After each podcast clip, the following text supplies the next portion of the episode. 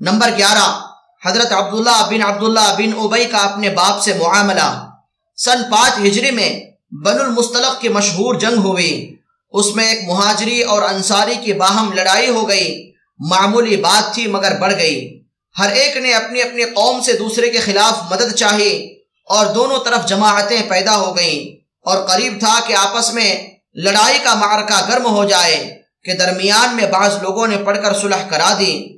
عبداللہ بن ابئی منافقوں کا سردار اور نہایت مشہور منافق اور مسلمانوں کا سخت مخالف تھا، مگر چونکہ اسلام ظاہر کرتا تھا، اس لیے اس کے ساتھ خلاف کا برتاؤ نہ کیا جاتا تھا۔ اور یہی اس وقت منافقوں کے ساتھ عام برتاؤ تھا۔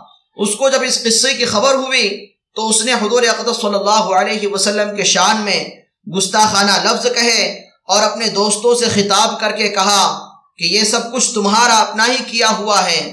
تم نے ان لوگوں کو اپنے شہروں میں ٹھکانہ دیا، اپنے مالوں کو ان کے درمیان آدھوں آدھ بانٹ لیا۔ اگر تم ان لوگوں کی مدد کرنا چھوڑ دو، تو اب بھی سب چلے جاویں۔ اور یہ بھی کہا کہ خدا کی قسم، ہم لوگ اگر مدینہ پہنچ گئے، تو ہم عزت والے مل کر ان زلیلوں کو وہاں سے نکال دیں گے۔ حضرت زید بن ارقم رضی اللہ عنہ نو عمر بچے تھے، وہاں موجود تھے۔ یہ سن کر تاب نہ لا سکے۔ کہنے لگے کہ خدا کی قسم تو ذلیل ہے، تو اپنی قوم میں بھی ترچی نگاہوں سے دیکھا جاتا ہے۔ تیرا کوئی حمایتی نہیں ہے۔ اور محمد صلی اللہ علیہ وسلم عزت والے ہیں۔ رحمان کی طرف سے بھی عزت دیے گئے۔ اور اپنی قوم میں بھی عزت والے ہیں۔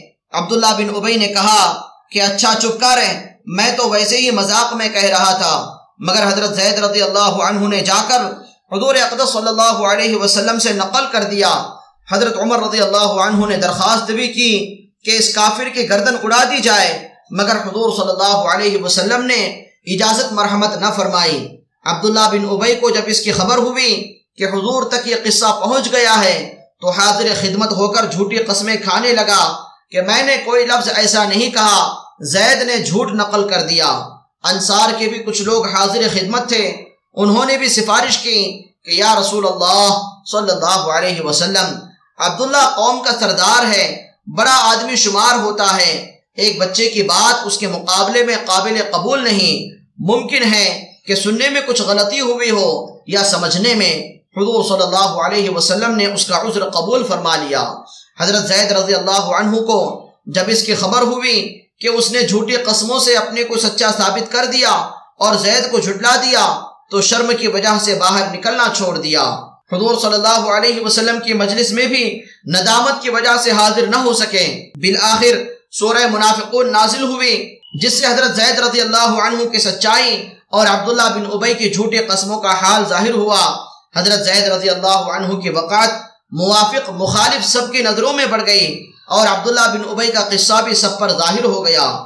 جب مدینہ منورہ قریب آیا تو عبداللہ بن عبی کے بیٹے، جن کا نام بھی عبداللہ تھا اور بڑے پکے مسلمانوں میں تھے۔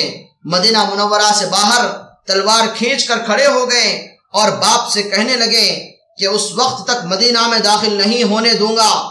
جب تک اس کا اقرار نہ کرے کہ تو ذلیل ہے اور محمد صلی اللہ علیہ وسلم عزیز ہیں۔ اس کو بڑا تعجب ہوا کہ یہ صاحب زادہ ہمیشہ سے باپ کے ساتھ بہت احترام اور نیکی کا برتاؤ کرنے والے تھے، مگر حضور صلی اللہ علیہ وسلم کے مقابلے میں تحمل نہ کر سکے۔ آخر اس نے مجبور ہو کر اس کا اقرار کیا کہ واللہ میں ذلیل ہوں اور محمد صلی اللہ علیہ وسلم عزیز ہیں، اس کے بعد مدینہ میں داخل ہو سکا۔